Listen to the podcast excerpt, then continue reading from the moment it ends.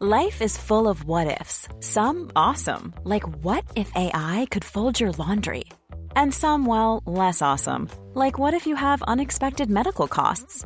United Healthcare can help get you covered with Health Protector Guard fixed indemnity insurance plans. They supplement your primary plan to help you manage out of pocket costs. No deductibles, no enrollment periods, and especially no more what ifs. Visit uh1.com to find the Health Protector Guard plan for you. It's that time of the year. Your vacation is coming up. You can already hear the beach waves, feel the warm breeze, relax, and think about work. You really, really want it all to work out while you're away. Monday.com gives you and the team that peace of mind. When all work is on one platform and everyone's in sync, things just flow wherever you are. Tap the banner to go to Monday.com. Everyone knows therapy is great for solving problems, but getting therapy has its own problems too, like finding the right therapist, fitting into their schedule, and of course, the cost. Well, BetterHelp can solve those problems. It's totally online and built around your schedule. It's surprisingly affordable too. Connect with a credentialed therapist by phone, video, or online chat, all from the comfort of your home. Visit betterhelp.com to learn more and save 10% on your first month. That's BetterHelp, H E L P. Du lytter til en podcast fra TV2. Hen over sommeren tager jeg otte værtspersonligheder med ud af studiet til en snak om en dato, der står særlig skarp i deres hukommelse. Vi kommer forbi store verdensomspændende datoer, som de fleste af os tydeligt husker. Vi skal tale om begivenheder, hvor vores hovedpersoner var til stede i kraft af deres arbejde. For hvordan er det egentlig at stå der midt i de historiske øjeblikke, hvor du har til opgave at formidle, hvad der foregår til hele landet? Og hvad gør det ved mennesket bag arbejdet? Både professionelt, men også som privatperson. Lige præcis den dag, der kan jeg huske i detaljer. Og hun står bare der med tårerne ned ad gennem. Oh. Your son will be okay. Nå, Det her, det er verdens sjoveste mulighed. alt det vil vi dykke ned i over sommeren. Jeg hedder Joachim Claus Høj Bindslev. Velkommen til datoen, vi aldrig glemmer.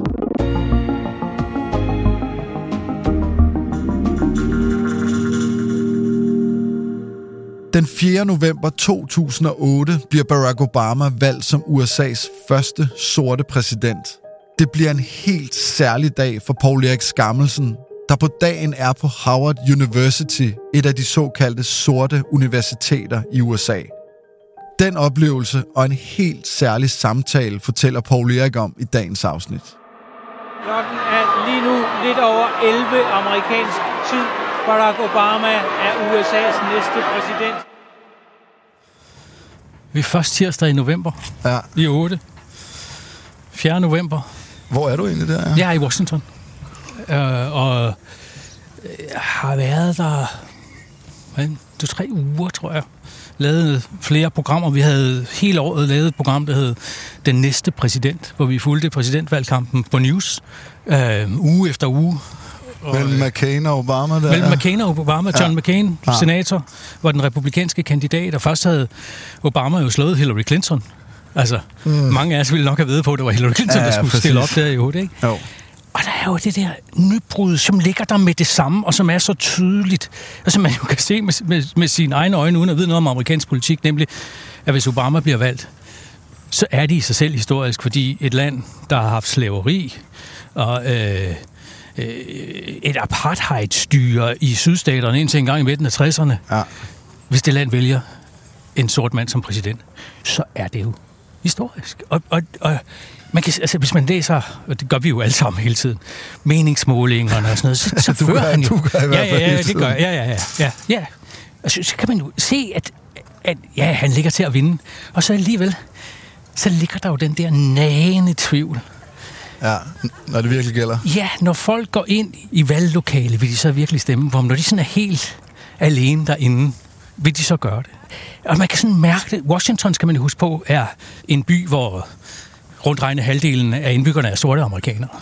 Så det gav jo sådan en ekstra dimension. Den ligger jo lige der på grænsen mellem, hvad der var sydstater og nordstater. Ja. Ikke? Altså, og man kunne bare, når man sådan snakker, altså, og det, det betyder også, at man møder rigtig mange sorte amerikanere, som bare arbejder på det var, caféer, hoteller, øh, kontorbygninger. Og, men, ja.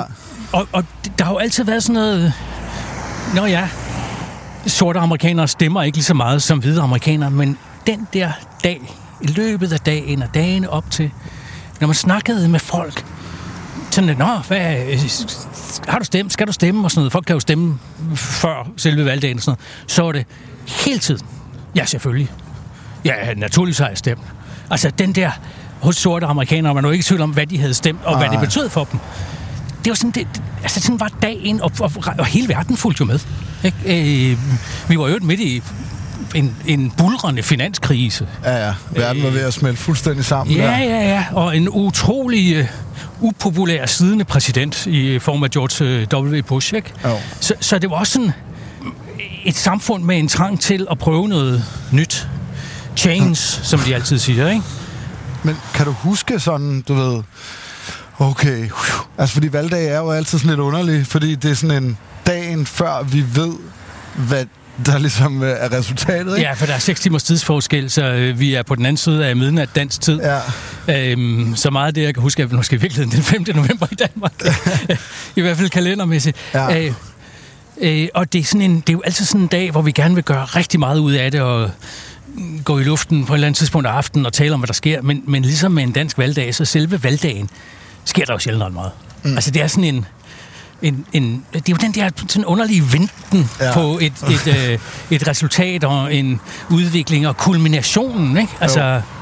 på, øh, på mål, altså når det gælder USA, måneders eller års øh, valgkamp. Jeg, kan, jeg, jeg havde, vi, vi, vil, vi sendte fra et eller andet tidspunkt af aftenen, natten igennem på øh, TV2 og øh, på News, og jeg havde fået udstukket en opgave, som var at jeg skulle finde et sted, hvor man kunne se og mærke det historiske i det valg. Ja. Altså, at det her er ikke bare et hvilket som helst præsidentvalg. Ja. Det er måske ja. det vigtigste i USA's historie. Ja. Vi ja. skulle ikke bare stå et eller andet lidt tilfældigt sted, var... eller på en Nej. bar, eller noget et andet. Et sted, eller et eller andet. Nej. Vi, vi skulle finde et sted, og jeg mente, at jeg vidste, hvor det var. Ja. Der ligger et universitet i Washington, som hedder Howard University, som er grundlagt lige efter borgerkrigen, altså det vil sige lige efter slaveriets ophør, øh, til sorte øh, studerende. En, en af dem, der har gået der, er Kamala Harris, den nuværende vicepræsident. Ja, okay. Og der, der er en række amerikanerne kalder dem historical black colleges. Ikke? Altså, øh, og, og når man kommer ind, så er øh, de studerende der, det er sorte, unge sorte amerikanere. Og der, øh, der regnede jeg med, at der ville vi opleve et eller andet, også fordi jeg kunne huske fra valget i 2000, det der ender uafgjort, at der var enormt meget vrede i den sorte befolkning over, at højesteret gjorde, hvad de gjorde. Det vil sige, at de gik ind og stoppede optællingen, og så vandt Bush. Ja. Og det havde vi oplevet der på Howard University dengang. Øh, så jeg regnede med, at der ville være nogle følelser. Ja. Og, øh, kan det du viste... hvornår du kommer derud? Ja, det kan, jeg kan godt huske det, fordi øh, øh, altså, vi startede med at undersøge, kunne vi overhovedet komme ind, og hvad foregik der? Og det viste sig, at de mødtes i sådan en, øh, en stor sal, sådan nærmest sådan en øh, balsal. Øh, alle de studerende, der var store skærme, og, øh, og vi kommer der ud sådan hen af øh, spisetid. Vi kommer et godt stykke tid før, at valglokalerne overhovedet øh, lukker, og vi begynder sådan at... Det, det er jeg og, og en, øh, en amerikansk fotograf, Scott, og så begynder vi sådan at smalltalke lidt med nogle af, af de studerende og sådan noget, og vi er sådan lidt, nå, hvad vinder han? Ikke? Altså, for ja. Obama og sådan noget. Og, ja, ja. og, og, og som jeg plejer at, at sige, så svarede de med, med sådan, ja selvfølgelig, med den der selvsikkerhed, som man kun kan have, når man er en 18-20 år, 22, hvor gammel de nu er. Men alligevel kunne man mærke, at der var en enorm spænding. Og, og man skal huske på, at sorte amerikanere er så fuldstændig bevidst om deres egen historie. Altså om, om det sorte Amerikas historie, om, om slaveriet. Altså mange af dem er jo efterkommere af slaver. Øh, det er jo er Obama så ikke, vel? Men, men øh, øh, med en keniansk far og en, en hvid amerikansk mor. Øh, men de kan deres historie. Så selv i så ung en flok, og især sådan en række college-studerende, vil der være en enorm, eller var der en enorm bevidsthed om betydningen. Og det kunne man mærke. Ja.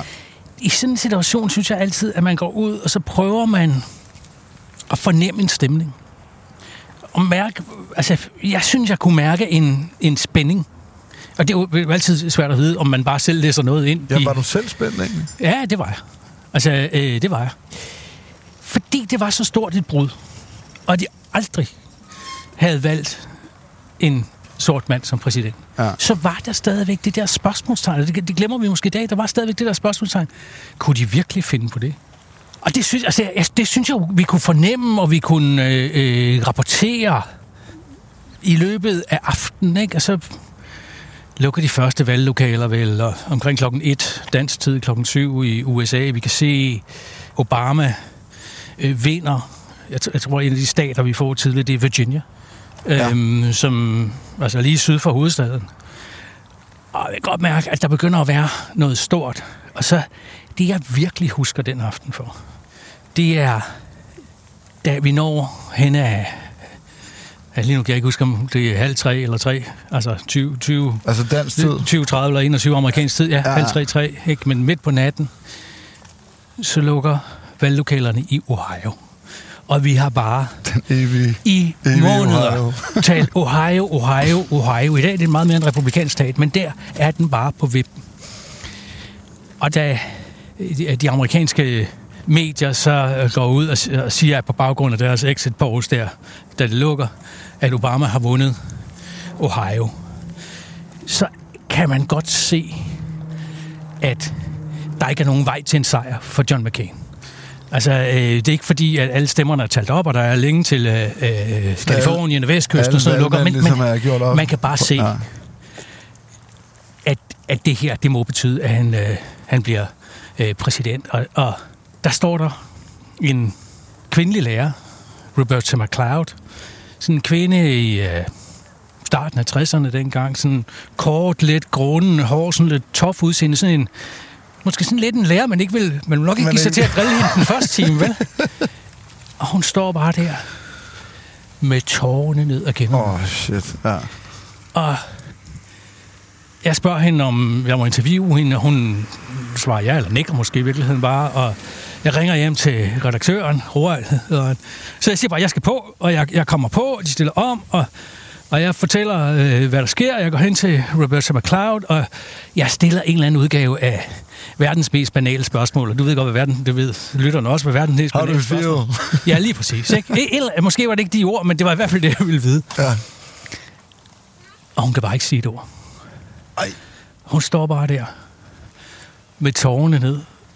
Og i det der fortæller hun jo i virkeligheden, det der billede fortæller jo i virkeligheden meget mere, end man kan sætte ord på. Det fortæller noget om, og især for hendes generation, tror jeg, hvilken ekstrem betydning det havde. Altså, at en sort mand er på vej til at blive præsident i USA.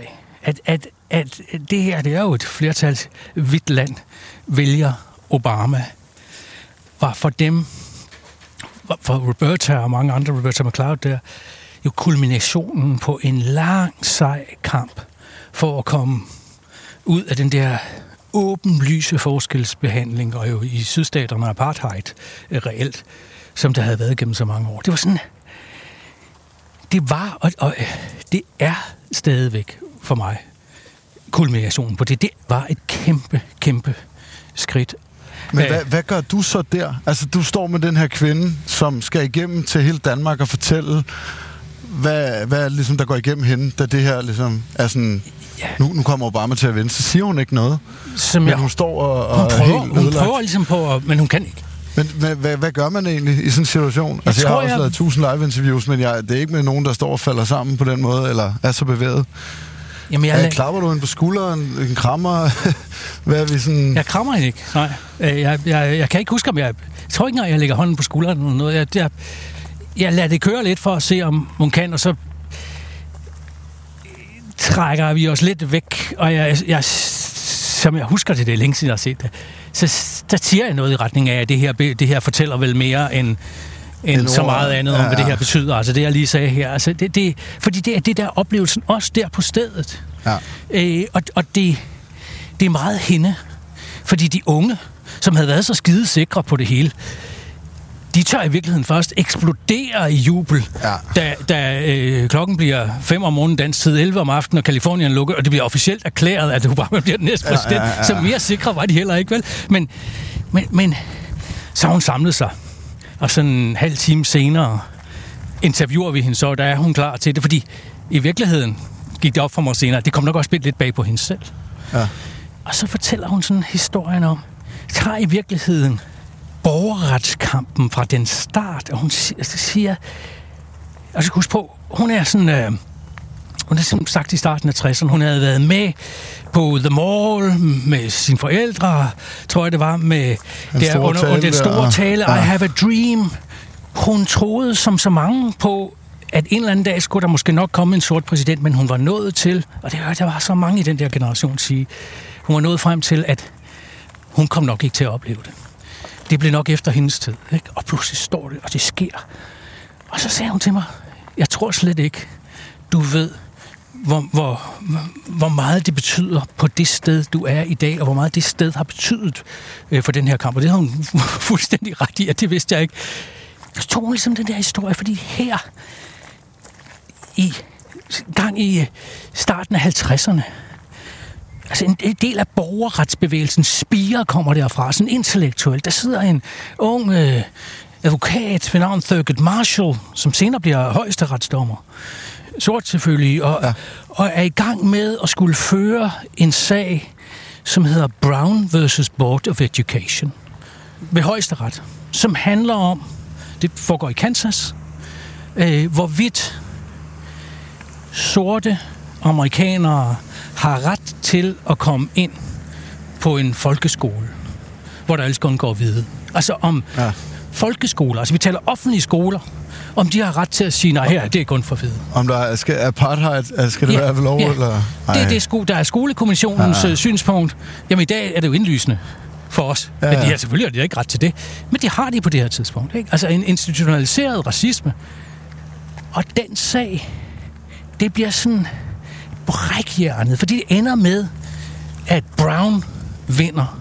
At det sorte Amerika vinder. De får ret til at komme ind på hvide folkeskoler, og i øvrigt også øh, high schools øh, rundt omkring. Og det giver en enorm, sådan, nogle enorme sammenstød i de, i de efterfølgende år. Øh, og hun tager ligesom den der hun giver mig sådan en tour de force i, i det sorte Amerikas historie, fra den der dom til uh, The Little Rock Nine. Jeg ved ikke, om du kender The Little Rock Nine. Det er ni sorte high school elever, som skal ind på en hvid high school i Little Rock, Arkansas, den der by, hvor, Ah. hvor Clinton kom fra. Ja, ja, ja. ikke? Og øh, guvernøren nægter at lade dem komme ind. Hun tog lige den der historie hen over talen, op igennem, altså op til nutiden, og, og ligesom forklarede mig, hvor lang en kamp det havde været. Hun fortalte den historie hurtigere, end jeg gjorde nu her. Ikke? Altså, øh, det der, de der begivenheder, som ligesom den ene efter den anden, der øh, gav det sorte Amerika ligeberettigelse, og som jo så kulminerer på valgnatten, da det står klart, at Obama vinder. Han bliver USA's første sorte præsident. Klokken er lige nu lidt over 11 amerikansk tid. Barack Obama er USA's næste præsident. den der balsal går fuldstændig amok. Altså, hvis du ser billederne, så vil du se, vi stod på sådan en, sådan en, en, en lille øh, hvad hedder sådan en forhøjning, som var sat op på sådan noget ja. træ og sådan noget. Altså, det billede, vi sender hjem, det, de står og hopper. Fordi, fordi der er så meget gang i den. Og normalt vil man sige, det var et elendigt billede, men det, det, Ja, ja. i det her Det- det er et tilfælde, meget godt der billede beskriver det situationen, ikke? Øh, Og, og der bliver jo fest i byen, og man, vi taler jo på mange måder om, at det her det er det nye Amerika, en koalition af sorte, af latinoer og selvfølgelig også hvide, men det er ikke længere det hvide Amerika, der dominerer. Nej. Og det er jo på mange måder en historie om håb. som jo så otte år senere øh, øh, med valget af Trump på mange måder ja, ja. bliver afløst af en anden følelse, nemlig den vrede, der, der, er i befolkningen. Det er en anden historie, ikke? Men, men altså, så der er også nogle, nogle modsætninger til det USA, vi ser øh, i dag. Men, men der er også på valgnatten og i tiden efter en anerkendelse. Også i den del af Amerika, der ikke stemt på Obama, fordi de var uenige med ham politisk. Ja. Øh, han var for venstreorienteret til dem, selvom man måske ikke vil være det i vores forstand, sådan traditionelt, men John McCain holder en utrolig flot øh, tabertale. Ja, hans eftermæl er jo helt vildt, jo. Ja, altså, ja, ja. Wow, ja. ja. Gammel krigshelt fra øh, krigsfange ja. øh, under Vietnamkrigen og så videre. Øh, men han holder en tale, hvor han anerkender, hvor stort det her det er. Jeg, jeg kan huske, at jeg nogle måneder senere øh, interviewede en af, af de konservative højesteretsdommere, Antonin Scalia, som var i, i Danmark. Øh, øh, og jeg er ret sikker på, at han ikke har stemt på Obama. Men, Ej, det men, har han helt, men der var ingen... Helt sikkert Altså i måden, han talte Nej. om det på, og det der med at have oplevet indsættelsen og så videre, at det var også for ham altså en, en stor begivenhed. Den der, det, det var så tydeligt, at det her det var et enormt øh, stort skridt for USA. Altså derfor har det der valgdøgn sådan brændt sig ind i min, i min hukommelse. Hvordan, nu du beskriver den der balsal, hvor I står, kan man overhovedet lade være med at rive sig med? Altså du ved, nærmest high-five og klappe, fordi det er sådan, som det er? Mm, altså på en eller anden måde bliver man jo altid revet med af andre menneskers følelser. Men nej, jeg giver mig ikke til at high-five eller sådan noget. Altså, øh, jeg kan ikke huske, arbejde. Ja, jeg kan ikke huske, om jeg sagde tillykke til nogen af fordi det var, det var det jo reelt. Ikke? Ja. Altså, øh, jeg synes jo, at vi havde, og det ved man jo ikke på forhånd, altså, havde valgt det rigtige sted at stå, og jeg var, var enormt glad for, at, at Altså, jeg ville meget hellere være der, end ved Obamas hovedkvarter, eller John McCains hovedkvarter. Sådan noget. Det er jo meget sjovere at være ude blandt vælgerne. Ja, ja, ja. Så, så jeg, altså, der er nogle begivenheder, hvor man kan se verden forandre sig. Med egne øjne. Ikke? Altså, murens fald, 9-11. Øh, ja, ja. Og også sådan en som den her. Fordi det var så stort et, et, et, et skridt. Altså, øh, hvordan, hvordan tager man så egentlig sådan en aften ned? Altså, hvornår kommer hjem? Kan du huske det? Og sidder man så og tænker, okay, nu skal vi have en Budweiser og bare sige, wow, det var sindssygt det der, eller hvad? Hvordan er det der? Ja, vi, vi, vi, vi, ja, det blev bare ude på morgenen, da vi kom hjem, og vi skulle... Øh, jeg lavede også stadigvæk øh, dags dato dengang, eller dags dato special, ja. tror jeg, vi stadigvæk øh, kaldte det, som ofte var indkøbte programmer, men vi lavede faktisk et program dagen efter om okay. det her. Så vi sov nærmest ikke. og, og jeg kan huske, at det så var overstået, så, så var jeg stort set ude af stand til at finde mit hotelværelse, da først jeg kommet ind på hotellet, for jeg var simpelthen så træt. Jeg kunne ikke finde ud af, jeg jeg, jeg gik ind i en elevator, og jeg var, jeg var helt fuldstændig kvæstet. Og så stod jeg på den forkerte etage og prøvede at lukke mig ind på det, der svarede til mit værelse, og så gjorde jeg to gange. Og jeg tror ikke, jeg boede på mere end syvende sal. Til sidst, så gik jeg ud til trappen, og så talte jeg, indtil jeg kom op til den rigtige etage, og så gik jeg ind og faldt om på sengen. Jeg tog måske skoene af, jeg kan ikke huske det, men det var nok også det. Nej. Men os, der oplevede det, Mads Fuglede var så vidt jeg husker også med, eller det var ja. også med der, at os, der oplevede det, altså, det stod så stærkt. Og da, da jeg fyldte 50, så fik jeg faktisk af Mads Fuglede forsiden af Washington Post fra dagen efter. Og der er reddet et stykke af, fordi det var sådan nogle af de her automater, man tager dem ud af. Det var åbenbart mig, der havde taget dem ud, og det var røget lidt af. Så det var, det var virkelig originalen, jeg, ja. jeg fik der. Og det siger også noget om, at jeg ikke var den eneste, der havde den der, det der det var oplevelse vildt. af, ja, ja. At, af, af, af, af uforglemmeligheden, ikke? Altså, øh, og jeg har faktisk senere snakket med Roberta McLeod. Ah, ja. Været tilbage i forbindelse med øh, både det efterfølgende midtvejsvalg og øh, præsidentvalget i 12. Ja. Og jeg tror, jeg havde lidt ret i min antagelse af, at det her det ikke var sådan, at hun var sådan lidt en tough, respekteret, men tough teacher, fordi hun fortalte, at de studerende, de havde sådan, bagefter de var kommet til hende, havde sagt, Altså, Mrs. McLeod, du stod der og græd. Har, har du følelser? Og det, det havde de nok ikke. Altså, ikke, fordi... Altså, hun udstrålede bare den der naturlige autoritet, ja, ikke? Ja, vi har alle sammen haft sådan nogle undervisere der, der er bare... Ja, ja, ja. ja. Siger, hvor man ja. vanvittig god underviser også. Altså, så, så jeg tror, det kom også bag på hende, og man kunne mærke i de der altså efterfølgende år, at for hende, der var 2012, hvor Obama jo bliver genvalgt der var 2012 næsten lige så vigtigt. Ja, ja. For det var lidt som om, Nu må det ikke glide ud mellem fingrene med det samme. det, ja, det var lidt som om her, øh, øh, eller hvis man ligesom smed den første sorte præsident ud efter en periode, så ville sådan en som hende opfatte det som et nederlag og en afvisning, og ej, vi kan sgu da ikke bruge de der sorte øh, til, til sådan et job. Altså det, det, så, så det var næsten lige så vigtigt. Og skal også huske på, hvad det er for en situation, han kommer i. Altså vi står midt i finanskrisen, den vel i virkeligheden værste øh, økonomiske krise øh, Siden 30'erne. Ja, siden 30'erne. Ja. Ikke engang, Ja, ja. ikke engang altså større end 70'erne, ikke? Altså, Jo, øh,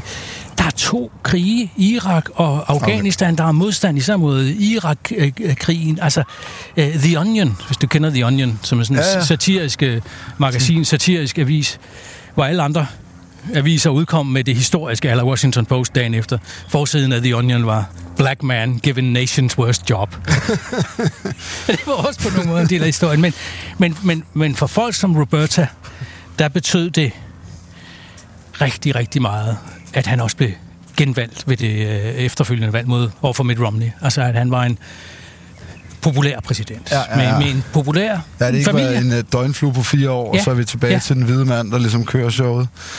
Også selvom de de der mellem, mellemliggende år jo har oplevet tilbageslaget og presset på ham. Altså er han nu en rigtig amerikaner? Hans far var jo kenianer, og han er ja. overhovedet født i USA, og må vi ikke godt se den der fødselsattest? Og kan du huske, hvem det er, der driver det? Ja, det er uh, Trump, der er starter Trump. med birther. Uh, ja det er Trump. Der. Ja, ja. Og det er dybest set Trump, der så øh, presser Obama til at offentliggøre sin, Ja. sin, øh, sin fødselsattest. Og, og Obama, kan man mærke, er sådan lidt, okay, så må det så være det.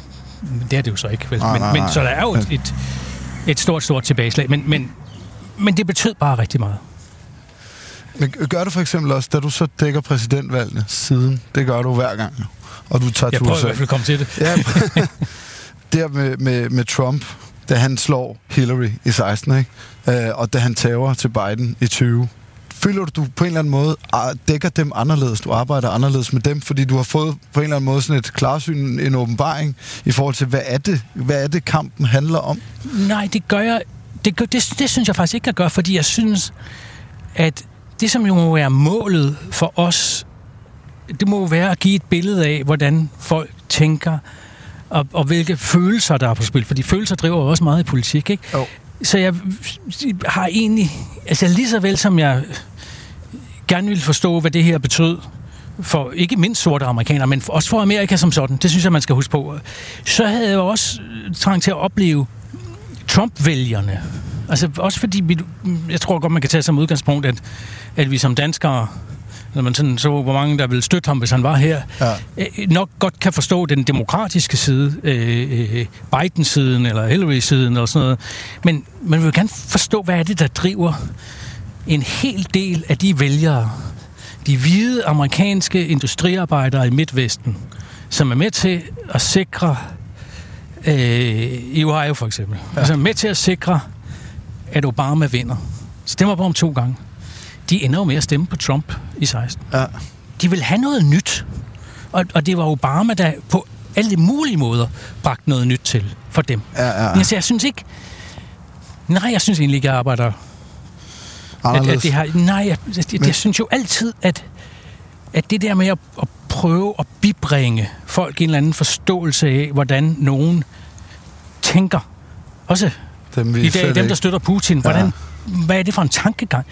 Det synes jeg jo er sindssygt øh, spændende. Altså, øh, Men hvorfor, hvorfor står du så stadig øh, og kører den helt store nyhedsudsendelse i Danmark hver aften? Hvorfor er du ikke øh, korrespondent længere?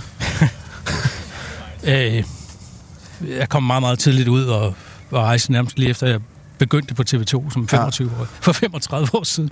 Øh, og var udsendt og korrespondent i en årrække, og, og da vi så begyndte at få en familie, der hængte det ikke særlig godt sammen. Altså. Men jeg har det også sådan, jeg rejser gerne ud til de brandpunkter, der er. Jeg var øh, i Østeuropa en hel del af, af sidste år øh, med base i Warszawa. Ja, det var, du stod dernede på grænsen Ja, ja, mellem. Polen og Ukraine. ja, ja. Så altså, så, det er jo det, der i virkeligheden driver værket for sådan nogen som os. Ikke? Det er, der er altid lige en historie mere, vi gerne vil være med til at fortælle. Det er det jo. Er det sådan noget, branchen har givet dig, mediebranchen har givet dig, eller er det fordi dine forældre bare ligesom har pumpet dig med en eller anden nysgerrighed, hvor du bare har lyst til at vide, og i øvrigt også øh, altså, fortælle og være god til det? Altså, det er jo svært at vide.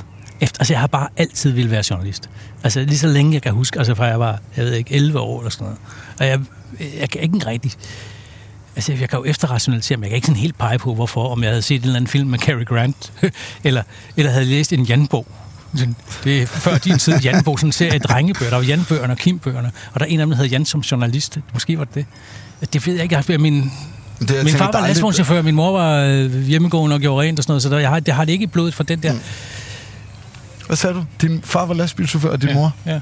Hvad var hun undskyld? Ja, hun var hjemmegående, og så hjemmegående. gjorde hun rent for folk. Og så er du ligesom blevet uh, den, uh, den sådan, vel, altså, nu skal jeg passe på, hvad jeg siger, en af den, de absolut største korrespondenter og nyhedsværter, vi har haft i Danmark i årtier. Hvad siger din mor og far, hvis de stadig lever? Det gør Min far lever endnu. Jeg tror, han er ret stolt. ja, det tror jeg. Ja. Nå. Han er blevet 86. Han hjælper mig stadigvæk med mine byggeprojekter derhjemme. Stærkt. Nå, hvor var det fedt øh, at høre, Paul Erik. Tak for turen. Selv tak. Og god sommer. Tak lige måde.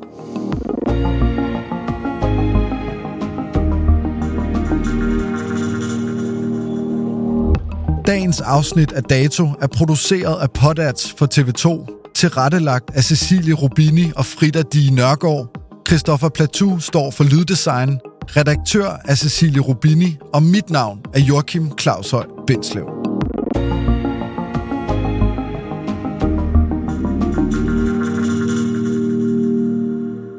Du har lyttet til en podcast fra TV2.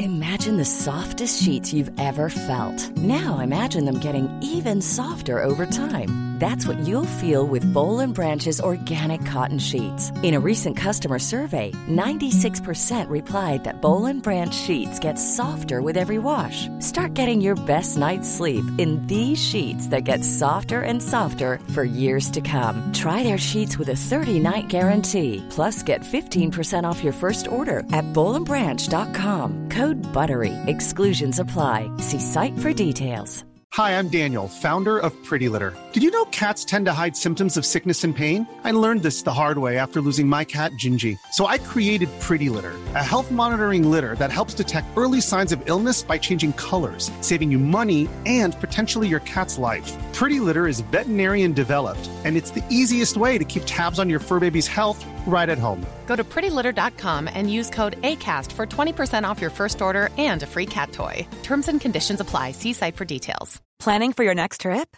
Elevate your travel style with Quince. Quince has all the jet setting essentials you'll want for your next getaway, like European linen, premium luggage options, buttery soft Italian leather bags, and so much more. And is all priced at 50 to 80% less than similar brands. Plus, Quince only works with factories that use safe and ethical manufacturing practices. Pack your bags with high-quality essentials you'll be wearing for vacations to come with Quince. Go to quince.com slash pack for free shipping and 365-day returns.